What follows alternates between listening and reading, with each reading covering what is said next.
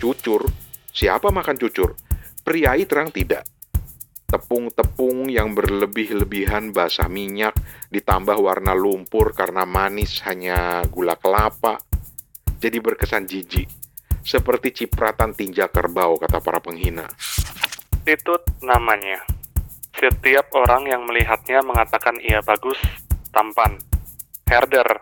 Ah, hanya herpung. Herder kampung. Kecil tubuhnya, jadi lain dari yang bersilsilah asli Jerman. Gue dugaan gue begitu, Fen. Gue dugaan gue tokoh ini sebenarnya Romo Mangun loh di, di, di cerpen kedua itu. Oh ya? Dugaanku itu karena beliau tuh sastra lisannya kental dan akhirnya dituangkan dalam sastra tulisan ya bang ya.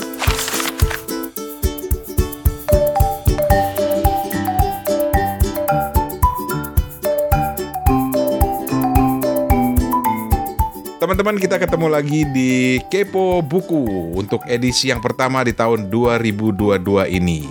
Dan ini juga menandai uh, season kelima atau musim tayang kelima dari podcast Kepo Buku. Gila udah lima tahun, Van. Gak nyangka banget ya. Gak nyangka bertahan loh. Uh, podcast bisa bertahan lima tahun. Iya syukur banget bisa bertahan ya. Yoi dengan semua kondisi yang ada. Betul, betul banget, betul banget. Dan uh, sayang Toto nggak ada sih di sini ya malam ini dia tiba-tiba ada emergency katanya. Baiklah, nggak apa-apa. Uh, nanti Toto juga bisa gabung. Kita akan ngobrolin uh, musim tayang kelima Kepo Buku gitu ya. Tapi ya Betul. sebelum mulai kita juga mau mengucapkan terima kasih dulu kepada teman-teman dari komunitas The Podcasters Indonesia karena, nah ini buat yang belum tahu nih, selama bulan Desember kemarin, Desember 2021, Kepo Buku itu ikutan challenge yang namanya Challenge 30 hari bersuara. Yes, 30 hari bersuara di mana kita bikin satu episode pendek podcast setiap hari selama satu bulan di bulan Desember dan itu berhasil kita selesai dan ternyata dari semua peserta 30 hari bersuara bersuara, bersuara itu kan dipilih beberapa kategori ya. Dan kepo buku? Kepo buku di pilihan panitia termasuk dalam podcast paling inspiratif. Tuh. gue sih saya nggak ada Toto nih. Gue kebayang kalau ada Toto nih. Pengen tahu iya. komentar dia gimana. Tapi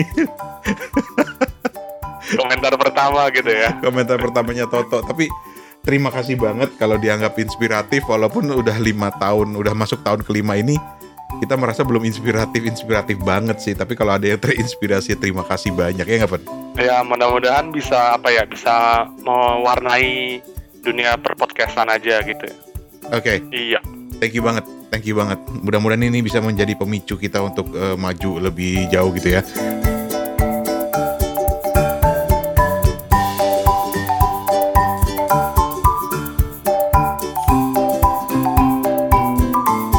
Oke. Okay. Kita akan memulai 2022 nih dengan ini dengar sastra bicara. Ceritain juga dong, dengar sastra bicara itu apa? Dengar sastra bicara tuh program kerjasama ya Bang Rane uh, antara penerbit KPG, Gramedia, Gramedia Digital dengan 12 podcast buku Indonesia. Beuh. Jadi ada uh, maraton ya, maraton dari bulan November kemarin sampai season ketiga. Mm -hmm Ya, kita udah memasuki season penutupnya. Iya, jadi bulan Januari ini uh, yang terakhir, season terakhirnya ya? Iya, iya. Betul. Dan ada juga diskon promo menarik, buku-buku yang kita bahas nih di sini. Betul. Bisa teman-teman cek lebih lanjut di gramedia.com. Betul gitu. sekali. Dan juga jangan lupa, kita juga dapat banyak buku nih dari teman-teman di Gramedia, dan itu ingin kita bagi-bagi ke teman-teman juga, termasuk ada voucher belanja juga, yang ingin kita bagi ke teman-teman nanti ditunggu di Instagramnya Kepo Buku ya untuk tahun 2022 ini. Mudah-mudahan 2022 kita bisa lebih banyak ngasih buku ya Van ya buat teman-teman ya Van. Iya, iya asik.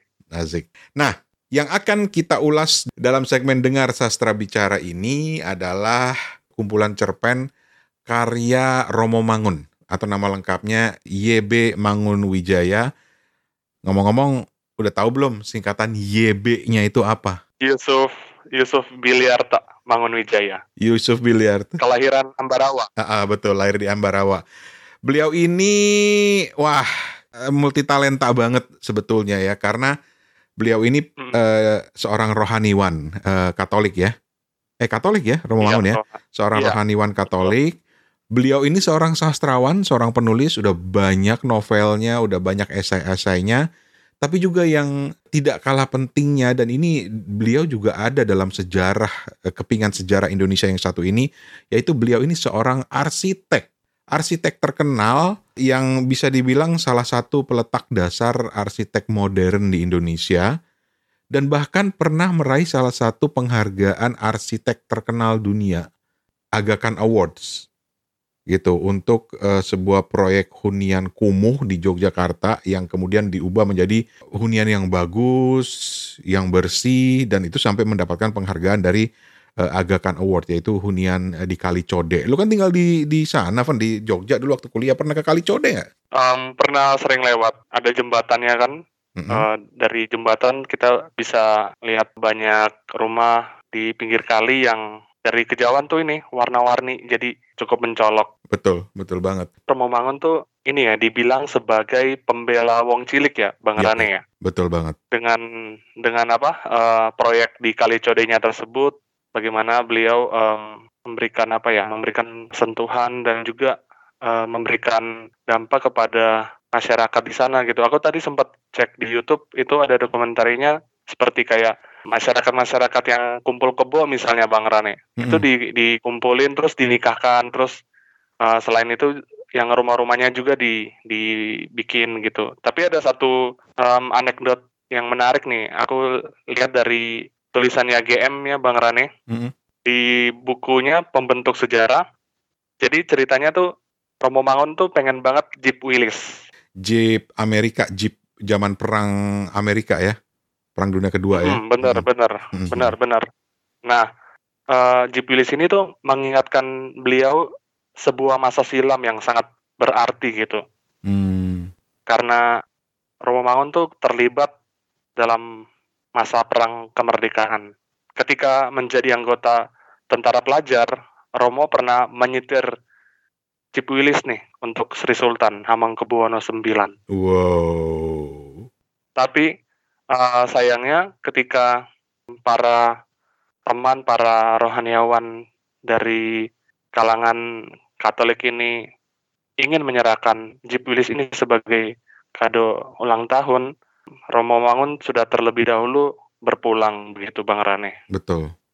Terus juga eh, kalau bicara keterlibatan beliau dengan tokoh-tokoh sejarah, jangan lupa bahwa Pak Habibie itu kenal baik dengan Romo Mangun waktu sama-sama lagi belajar di Jerman. Dan salah satu adegan yang kemudian muncul di film Habibie, gue lupa Habibie yang yang ketiga deh kayaknya lah. Hmm. Di situ ada adegan Pak Habibie eh, eh, di Jerman numpang sholat di, di gereja gitu loh dan dan eh, nggak lama kemudian beberapa beberapa waktu kemudian dia ketemu dengan Romo Mangun di gereja yang sama terus dia ngelihat kok ada Pak Habibie sholat di situ ngapain gitu dan Pak Habibie bilang bahwa ini kan tempat ibadah dan di sini dia merasa menemukan ketenangan walaupun dia menggunakan tempat ibadah Kristiani itu untuk sholat ala Islam gitu tapi dia bilang itu sama-sama tempat ibadah dan dia menemukan ketenangan di situ dan Romo Mangun kagum banget sampai bilang coba semua orang berpikirannya kayak Pak Habibie gitu loh.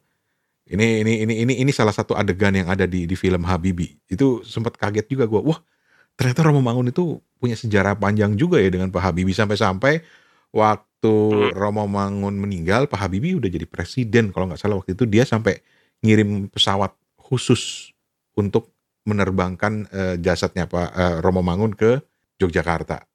Itu sekilas cerita lah. Kenapa kita harus cerita cerita kayak background tentang Romo Mangun ini karena eh, ya ini juga untuk mengenalkan sosok beliau kepada teman-teman gitu ya eh, yang mungkin baru kenal atau baru mulai berkenalan dengan karya-karya Romo Mangun gitu. Lu lu karya Romo Mangun yang yang yang lain selain yang akan kita bahas kali ini apa aja Van yang lu tahu? Yang saya tahu tuh kayak burung-burung manyar, Hmm, itu legend lah. Burung-burung manyar tuh legend banget, legend banget. Tahun 81 tuh. terus eh, pernah sekali lihat di Gramet eh, Genduk Duku novelnya. Mm-mm, genduk duku. Ini kayaknya eh, kayak semacam apa ya? Bukan trilogi bukan sih? Trilogi. Trilogi ya. Eh, Roro Mendut, Genduk Duku sama satu lagi Lindri. Lucy Lindri. Lucy Lindri, Lucy Lindri, betul. Betul, ini trilogi gitu. Terus selain, itu masih ada lagi sih beberapa novel-novel beliau. Ada Ikan-Ikan Hiu Ido Homa, terus ada Durga Umayi yang udah diterjemahkan ke bahasa Inggris. Ada Balada Beca, ada Burung-Burung Rantau. Ada Pohon-Pohon Sesawi, ini favorit gue nih Pohon-Pohon Sesawi ini. Sementara yang lain tuh ya kayak apa ya, esai-esainya. Dan yang mau kita bahas kali ini adalah satu-satunya kumpulan cerpen dari Romo YB Mangunwijaya Yep. yang udah diterbitkan dan dikumpulkan bukan oleh Romo Mangun sendiri tapi oleh teman-temannya dan salah satu yang ngumpulin itu Mas Jokpin ya, Van ya. Iya, betul, betul. Jadi eh, terbit pertama di tahun 2000, em, setahun ya setelah berpulangnya beliau. Mhm. Dan disunting oleh Joko Norbo, penyair, dan Ibu Teresia Kushardini, Sekretaris Mendiang Romo Mangun, pengelola Yayasan Dana Sayang Anak Derita. Oke. Akan kelihatan sekali dalam kumpulan cerpen ini karena memang ini apa yang berhasil dikumpulkan ya orang-orang orang-orang terdekatnya Romo Mangun akan kelihatan sekali bahwa topik-topiknya itu akan ada berbeda-beda gitu. Ada yang membahas misalnya tentang eh, sosok eh, lelaki yang eh, menjadi eh, berdandan seperti perempuan untuk mencari nafkah, tapi kemudian tiba-tiba pengalaman beliau di di mana di Jerman ya kalau nggak salah ya Iya, di Eropa pokoknya. di Eropa gitu. Pokoknya ada ada ada ada itu. Tapi ada ada ada ada apa ya? Ada benang merahnya yang bisa kita tangkap di situ dari gaya tulisannya eh, Romo Mangun lewat cerpen-cerpen tersebut. Nah, judul cerpennya, Van. Mhm. Terus lu ceritain dikit lah dengan eh, apa eh, kumpulan cerpen ini.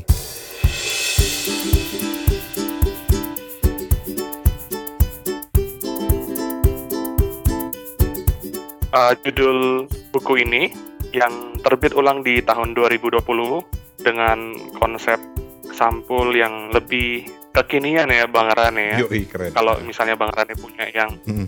terbaru putih, desain putih dengan ilustrasi yang cakep. Rumah Bambu ini kumpulan cerita pendek Romo Mangun yang buatku tuh nyengit gitu Bang Rane. Penuh Hmm. haru, tapi indah di dalamnya gitu. Kenapa gitu? Kenapa gitu, Van? Apa ya? Karena Romo Mangun tuh berhasil menangkap dan memindahkan situasi-situasi di masyarakat dengan apik gitu ya, dengan bagus sekali Bang di Mhm. di tulisan-tulisannya ini. Tulisan-tulisan yang dikonstruksi, direkonstruksi dari arsip penulis. Dan juga ada ketambahan cerpen yang memang terbit di media. Ya. Dan satu hal, apabila pendengar kepo buku ingin menjelajahi ringkas batas yang mungkin beda dari keseharian, aku rasa buku ini cocok untuk teman-teman gitu. Mantap. Oke. Jadi seperti kita bilang tadi ini adalah kumpulan cerpen dari eh, YB Mangunwijaya, kumpulan cerpen yang pertama dan ada banyak cerita-cerita di situ gitu ya. Nanti eh, kita nggak mungkin bahas semua, tapi eh, paling nggak ada dua hal yang akan kita lakukan di sini. Jadi eh, mungkin kita akan minta Steven untuk cerita tentang kesannya dan cerpen-cerpen favoritnya di situ. Gue juga akan melakukan yang sama, hal yang sama. Dan juga nanti kita akan coba bacakan sedikit cuplikan-cuplikannya untuk mendapatkan taste-nya gitu. Seperti apa sih gaya tulisannya uh, uh, Romo Mangunwijaya ini gitu. Nah, uh, sedikit aja gambaran ya di buku ini itu ada ada beberapa cerpen misalnya ada yang pertama itu tak ada jalan lain, kemudian ada judulnya Cat Kaleng, ada Sungai Batu, Hadiah Abang, Cold Kemarau, eh, Malam Basah, Pahlawan Kami, Pagi Itu, eh, Rhinestein, kemudian juga ada Rumah Bambu seperti judul novelnya, eh, eh, kum- kumpulan cerpennya, ada Pilot, ada Mbah Benguk, ada Renungan Pop, ada Dua Gerilyawan, Lampu Warisan, Mbak Pung, Puyuk Gonggong, Natal 1945. Ada lagi yang kelewatan nggak? Titut, Titut, betul. ini judul Romo Mangun pertama yang kita feature di Kepo Buku ya. Hmm. Kita merasa kayak apa ya, terhormat banget nggak sih Bang Rane kita menampilkan karya beliau. Tapi tapi kan ini jadi bagian dari upaya kita kan eh, sama Toto juga. Toto kan juga sempat ngomong kan dia juga ingin menggali kembali Hmm. eh, eh, apa ya fiksi-fiksi lama Indonesia gitu loh. Karena kan banyak karya-karya fiksi penulis-penulis sastrawan Indonesia yang sudah terbenam gitu, udah tersimpan, udah nggak tahu ke mana gitu, pengen diangkat lagi, terus pengen kita kenalin lagi ke teman-teman pendengar kepo buku yang mungkin belum kenal gitu. Mungkin Romo Mangun ini bisa jadi uh, awal mula yang yang oke nih, Van. Iya, dan mungkin bisa jadi bacaan awal di 2022 yang yang menyenangkan gitu. Yo, Nggak nggak berat, nggak terkesan serius gitu. Mm-mm. Tapi eh, kembali lagi kita akan bicara Rumah Bambu. Kenapa dibilang sebuah arsip, sebuah cerita pendek yang mengesankan ya? Karena ada keharuan, ada sosok-sosok yang diangkat di dalam cerita-cerita beliau seperti perempuan-perempuan yang dihadirkan dengan berbagai nuansa, berbagai situasi yang ada, orang-orang cilik, wong cilik, Mm-mm. dan cerpen yang saya suka itu selain cerpen pertama ada pilot yang manis tapi sedih. Pilot. Iya, Cerita dikit dong eh, tentang apa ceritanya. iya. Pilot ini ceritanya tentang dunia dan dinamika dari seorang penerbang ya, Bang Rane ya. Hmm. Bagaimana Romo Mangun tuh bisa kayak menggambarkan dunia militer, angkatan udara gitu ya Bang Rane dengan klop dengan bagaimana em, teknis dari pesawat, bagaimana eh, dunia militer kepangkatan itu berperan, tapi tidak menghilangkan sisi manusiawi di dalam cerita ini yaitu seorang istri si narator ini, istri Hmm. si penerbang gitu. Dan aku kira pilot ini memungkinkan kita kayak sedikit keluar gitu dari dari cerita-cerita yang lain gitu. Ini cukup memukau karena juga dekat dengan saya. Di situ tokonya juga berdarah Maluku kan Bang Rane. Jadi saya juga Ah, betul. sedikit sedikit terkait gitu ya. Bagaimana eh, eh, Bung Tamaela digambarkan dengan dengan cukup bagus gitu lewat kacamata si istri gitu. Hmm, Jadi favorit lu pilot ya? pilot, pilot. Mm. Tidak ada jalan lain malam basah tapi yang berkesan cukup dalam tuh eh, pilot. Oke. Nanti kita coba eh, bacakan eh, sedikit ya. Supaya bisa dapat gambaran ya Ya. teman-teman. Mungkin lu bisa ngambil satu dua paragraf yang bagian yang paling menarik menurut lo gitu. Gitu. Tapi Iya, boleh. jadi secara keseluruhan yang lu tangkap dari kumpulan cerpen ini gimana, Van? Oh iya. Aku rasanya bahasa-bahasanya Romo Mangun tuh kayak banget gitu. Segar gitu. Iya. Dan tulisan-tulisannya tuh nggak makin bosan gitu. Bener. itu ajaibnya bahasa Indonesia kali ya dan ternyata tuh aku tahu dari buku Pamusuk NST Mhm. kenapa sampai beliau tuh diksi-diksinya tuh ajaib-ajaib banget gitu kenapa kenapa? ternyata nggak ada formula rahasia kok tapi di masa sekolah dasar Bang Rane Heeh. orang tuanya guru SD juga guru sekolahan pokoknya ada latihan pidato sama membuat karangan tertulis. Setiap minggu dua latihan itu dikerjain. Bayangin Bang. Mm. dengan tema kayak ada satu tema dibikin sebuah karangan gitu bang. Hmm. keren ya? Kayak 30 hari bersuara gitu kali ya?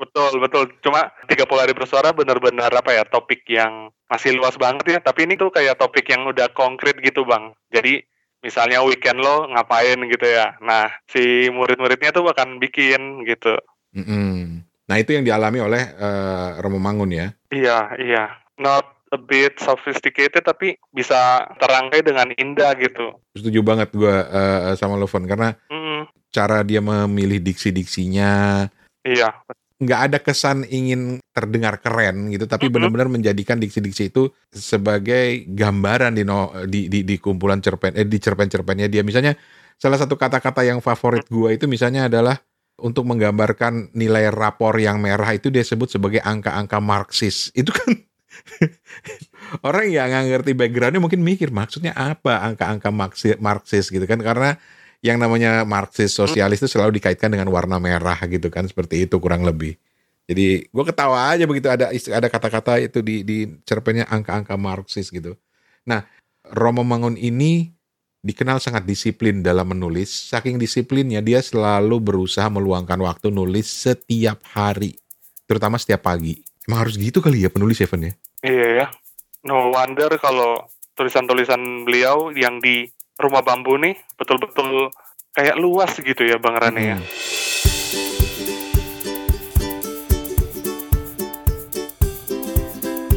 Kalau kalau buat gue Evan ya, ada dua hal yang yang yang menarik perhatian gue dari kum- kumpulan cerpen Rumah Bambu ini. Yang pertama itu kedekatan beliau dengan kehidupan rakyat kecil gitu.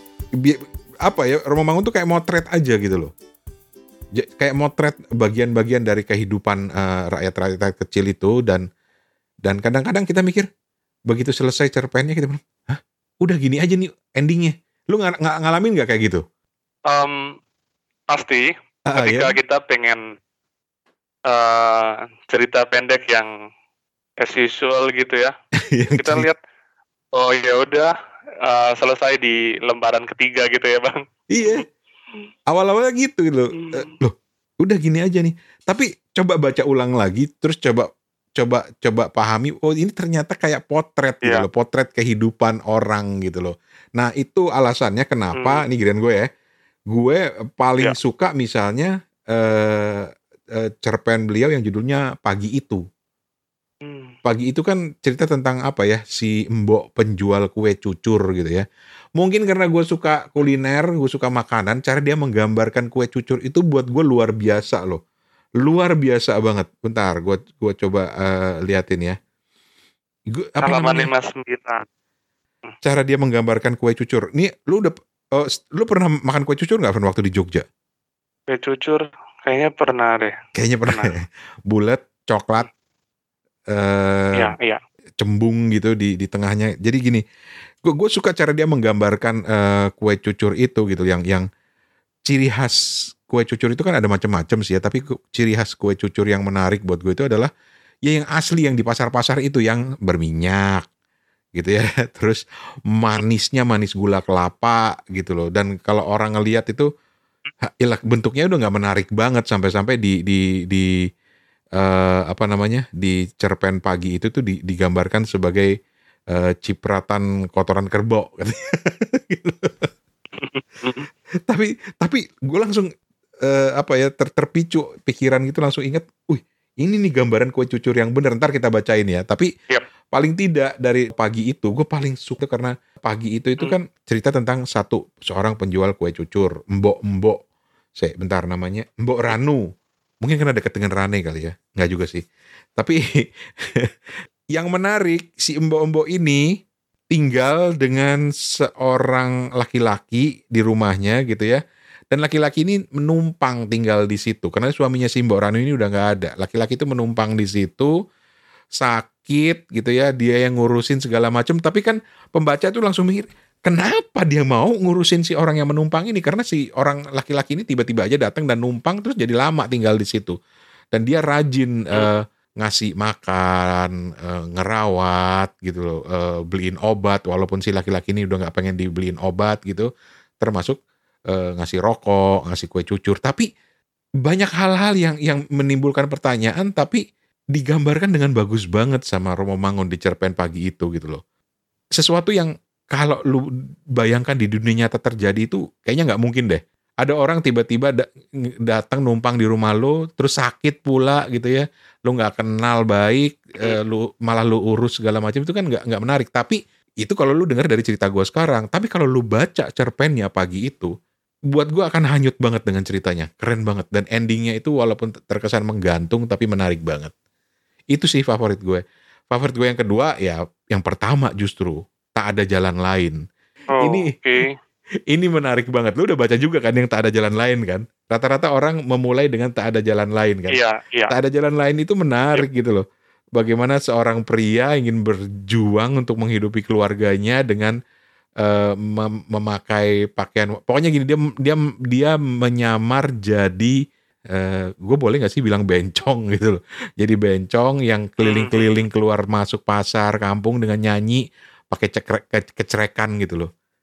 Itu kan itu itu itu itu bagaimana dia menggambarkan itu bahwa dia laki-laki ini bukan sosok yang eh, transgender gitu, tapi dia memang laki-laki yang kok tiba-tiba gitu loh ujuk-ujuk dia pengen mencari nafkah dengan cara menjadi seorang eh, transgender, seorang bencong, eh, minjem bajunya dari mana, minjem alat musiknya, Hmm. kecerekannya dari mana itu gila itu keren banget cara digambarinnya. Emang nggak adil sih kalau kita gua sama Steven di sini cerita eh, sekilas gitu tapi lu nggak baca gitu. Lu harus baca untuk bisa me- merasakannya ya nggak Van? Iya, iya. Premisnya kita keep aja karena kita nggak mau terlalu memberikan Spoiler. spoiler gitu ya. Yoi. Oh satu lagi, satu lagi, satu lagi yang gue suka, Cat Hmm. Kaleng. Itu itu no, eh, cerpen kedua, Cat Kaleng. Cat kaleng ini buat gue Nah, mm, deket banget dengan mungkin ya dugaan gue ya deket banget dengan kehidupan Romo Mangun yang arsitek. oh, oke. Gue dugaan gue begitu, Fen. Gue dugaan gue tokoh ini sebenarnya Romo Mangun loh di di, di cerpen kedua itu. Oh ya, Iya ini ini cuma cuma dugaan sih. Kan itu kan cerita tentang seorang perempuan yang tiba-tiba datang ke si tokoh di cerpen itu mau jual cat kaleng kan, iya betul. yang katanya dikasih dikasih oleh siapa gitu, tapi eh, dia curiganya itu dicuri gitu. Terus akhirnya ada urusan berurusan dengan polisi, tapi akhirnya malah cat kaleng itu dipakai untuk mengecat rumah si si si orang itu gitu loh. Kan lagi-lagi kalau gua gua cerita seperti ini kan udah gitu aja ceritanya gitu aja. Tapi coba lu baca, coba baca Iya. Cara dia menjalin kalimatnya, cerita-ceritanya itu benar-benar mungkin kalau lu udah baca lu akan bilang, "Eh bener juga ya, ya Bang Rane, ada sesuatu yang nggak lengkap kalau lu nggak baca." Selain cuma dengerin cerita gue bahwa ini tentang ini, tentang ini, tentang ini. Karena ada sesuatu yang bisa di- dirasain gitu loh. Makanya bacanya itu bukan sekedar membaca straightforward tapi kalau istilah gue gue suka pakai suka pakai istilah di di di mamah, dicerna. Oh gitu, iya iya. Ada lagi nggak? Ada lagi nggak? Oke, kita coba kasih gambaran cat kalengnya aja, Bang Rane, silakan. Oke. Gue malah lebih lebih tergoda untuk eh, kasih cuplikan yang pagi itu yang favorit gue, Evan. Oke, let's go on.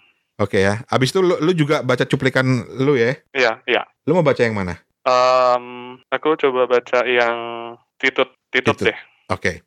Gue ambil bagian eh ini bener loh kata Jokpin. Jadi jadi gini, eh, sebelum gue baca, kata Mas Jokpin, eh, Romo Mangun itu punya kecenderungan nulis panjang-panjang. Nah, kalau dibagi-bagi paragrafnya ini sudah sudah di di diedit oleh Jokpin gitu loh.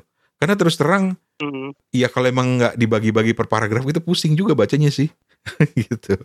Tapi oke gue bacain ya. Hmm. Ini judulnya pagi itu di halaman 59 ya. Gue mau baca dua paragraf aja. iya. Oke, judulnya pagi itu.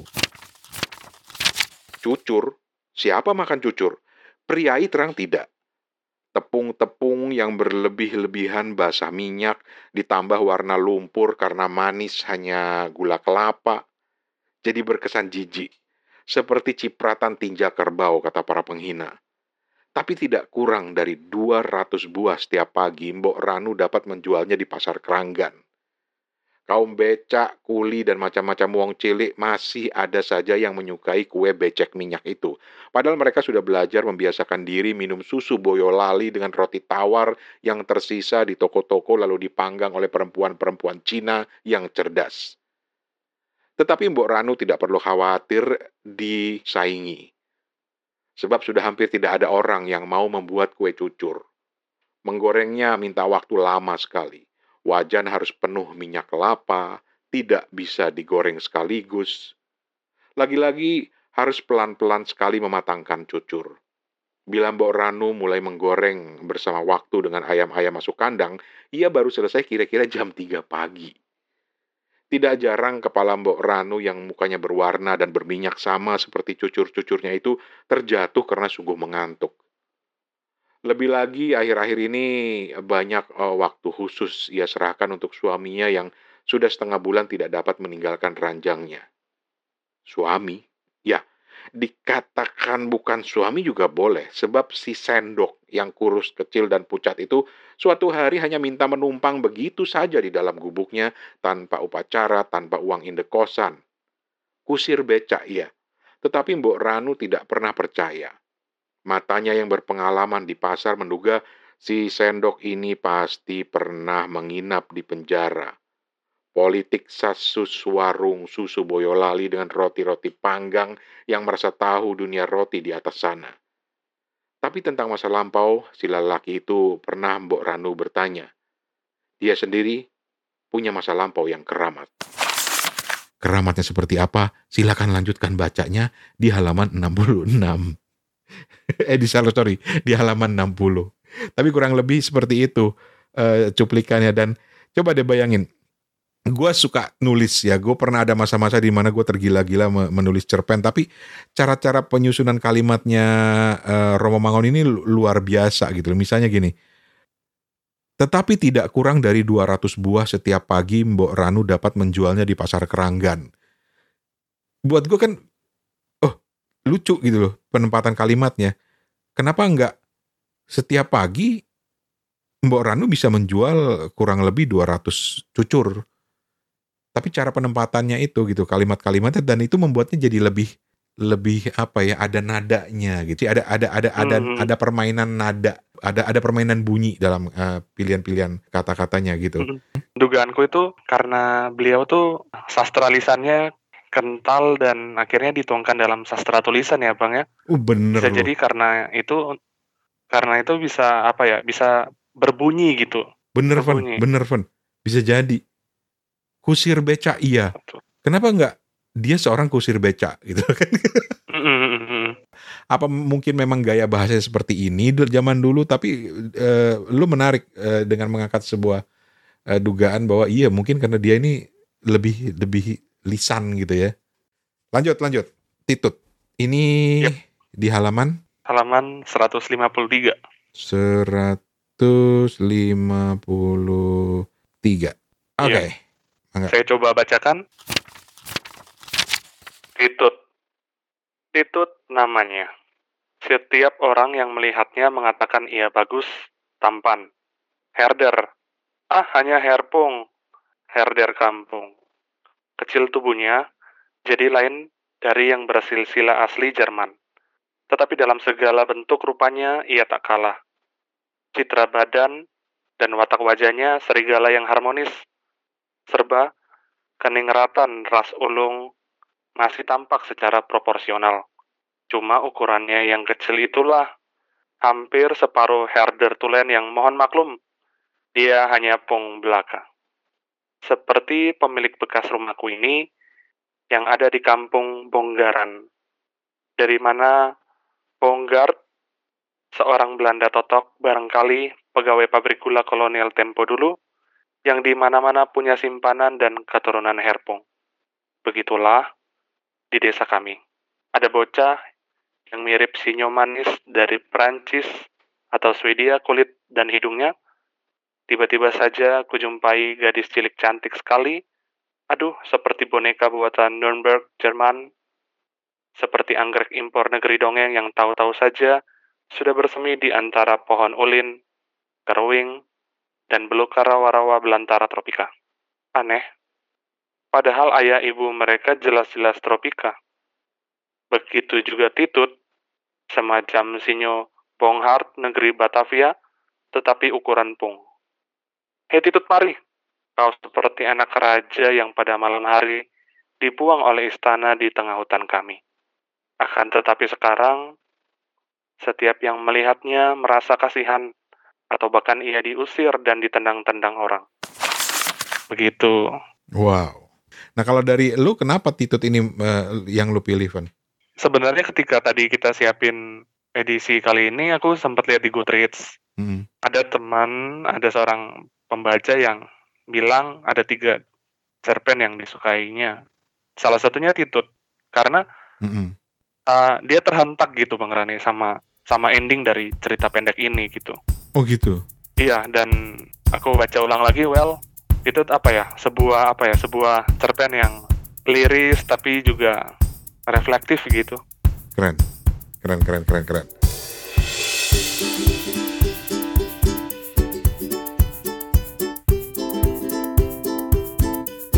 Jadi ya eh, terakhir sebelum kita akhiri ya kita cuma bilang ke teman-teman coba deh baca.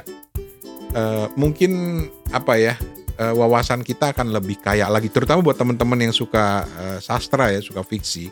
Mungkin membaca cerpen-cerpennya Romo Mangun ini akan akan lebih kaya lagi eh, dengan diksi, lebih kaya lagi dengan gaya-gaya kepenulisan dan lebih kaya lagi dengan nuansa-nuansa yang ingin diciptakan oleh Romo Mangun terutama yang terkait dengan kehidupan-kehidupan rakyat kecilnya itu dapat banget menurut gue gitu loh. Dapat banget. Iya, menarik simpati, menarik simpati kita, menarik Betul. empati kita juga. Dan nggak fatalistis. Mudah-mudahan gue nggak salah pakai istilah Hmm. ini karena karena banyak kan ada bukan banyak sih ada lah cerpen-cerpen yang cerita tentang rakyat-rakyat kecil kehidupan mereka tapi kesannya itu suram gitu loh. Sementara Iya, iya, iya. Romo Mangun ini bisa pakai anekdot-anekdot yang kecil-kecil gitu yang yang ya cuma percikan-percikan anekdot tapi tetap membuat kita senyum sekilas gitu atau oh gini ceritanya, oh gini kehidupannya rakyat kecil gitu. Tapi tetap kita tidak kasihan ya mereka gitu, nggak gitu gitu loh. Kalau itu itu itu sih yang gue Hmm. tangkap paling nggak dari dari dari tiga eh, cerpen favorit gue tadi. Kalau lu sendiri gimana?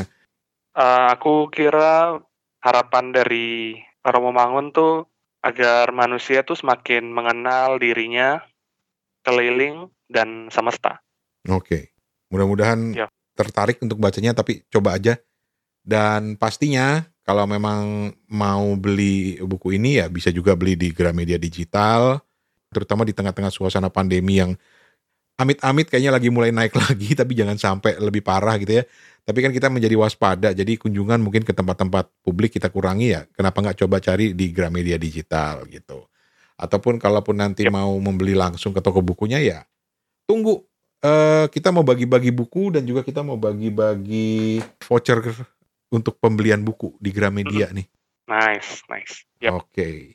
Dan ini adalah terakhir kali Kepo Buku mereview buku untuk Dengar Sastra Bicara. Kita di Dengar Sastra Bicara ini sudah mereview dua karya. Yang pertama tuh Negeri Senja dari Seno Gumira Aji Dharma. Ya, yang kedua itu adalah kumpulan cerpennya eh, R- YB Mangunwijaya, Romo Mangun. Romo Mangun, yaitu Rumah Bambu. Nah, dengerin juga yang lain-lain. Karena Januari ini adalah eh, bulan terakhir Dengar Sastra Bicara. Dan mudah-mudahan teman-teman banyak nemuin buku-buku baru, referensi-referensi baru yang mungkin eh, akan menarik perhatian teman-teman semuanya. Gitu. Ada pesan lain, Van? Pesan kue cucur. Em, ya, mungkin ketika teman-teman eh, mendengar dan kepengen kue cucur, tolong jangan salahkan kami. salahkan Bang Rani aja. Dan Kepo Buku akan kembali dengan review-review seperti biasa. Kita banyak sekali teman-teman yang udah ada dalam antrian. Misalnya ada Mbak Asmayani Kusrini oh wow. dengan novelnya Misi itu keren banget itu novel keren banget. Pokoknya harus mau kita undang. Kita juga masih punya cerita tentang pengalaman eh, dunia perbukuan di Mesir misalnya eh, yang ingin kita Yep. undang salah seorang teman kita Iya, iya, iya. dan tentu saja cerita-cerita yang lain lah. Kalau teman-teman punya cerita tentang buku, bukan hanya tentang buku-buku tertentu, tapi misalnya kecintaan pada buku, tentang hal-hal yang terkait dengan buku, yuk kita ngobrol bareng-bareng di Kepo Buku gitu. Karena Kepo Buku itu punya bareng-bareng juga kan, bukan cuma punya Rane, Toto dan Steven gitu.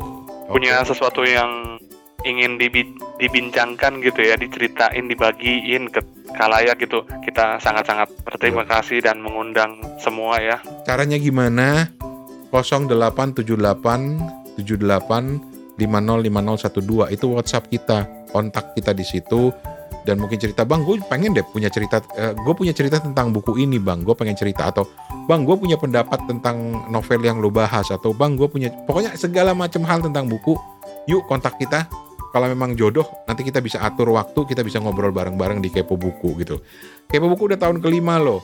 Dan setiap kali ada yang komen di media sosial kita kita selalu bilang ayo dong ikutan kapan mau ikutan Nanti ngobrol-ngobrol bareng kita bertiga. Yoi. Oke kalau gitu. Untuk saat ini terima kasih banyak Eh, dan karena ini adalah kesempatan terakhir eh, Kepo Buku untuk ikutan dalam dengar sastra bicara yang akan berakhir di bulan Januari ini. Kita cuma mau bilang terima kasih banyak kepada teman-teman dari eh, penerbit KPG dan juga terima kasih kepada eh, teman-teman podcaster buku lain yang juga terlibat dalam kegiatan ini. Dengerin sampai akhir Januari nanti masih ada review-review yang lain Evan ya. Iya, betul. Baiklah, Dengan saya Steven di Ambon. Rane Hafid di Tangerang Selatan pamit. Kita ketemu lagi di episode berikutnya juga nanti akan ada Toto di situ. Yap. Permisi.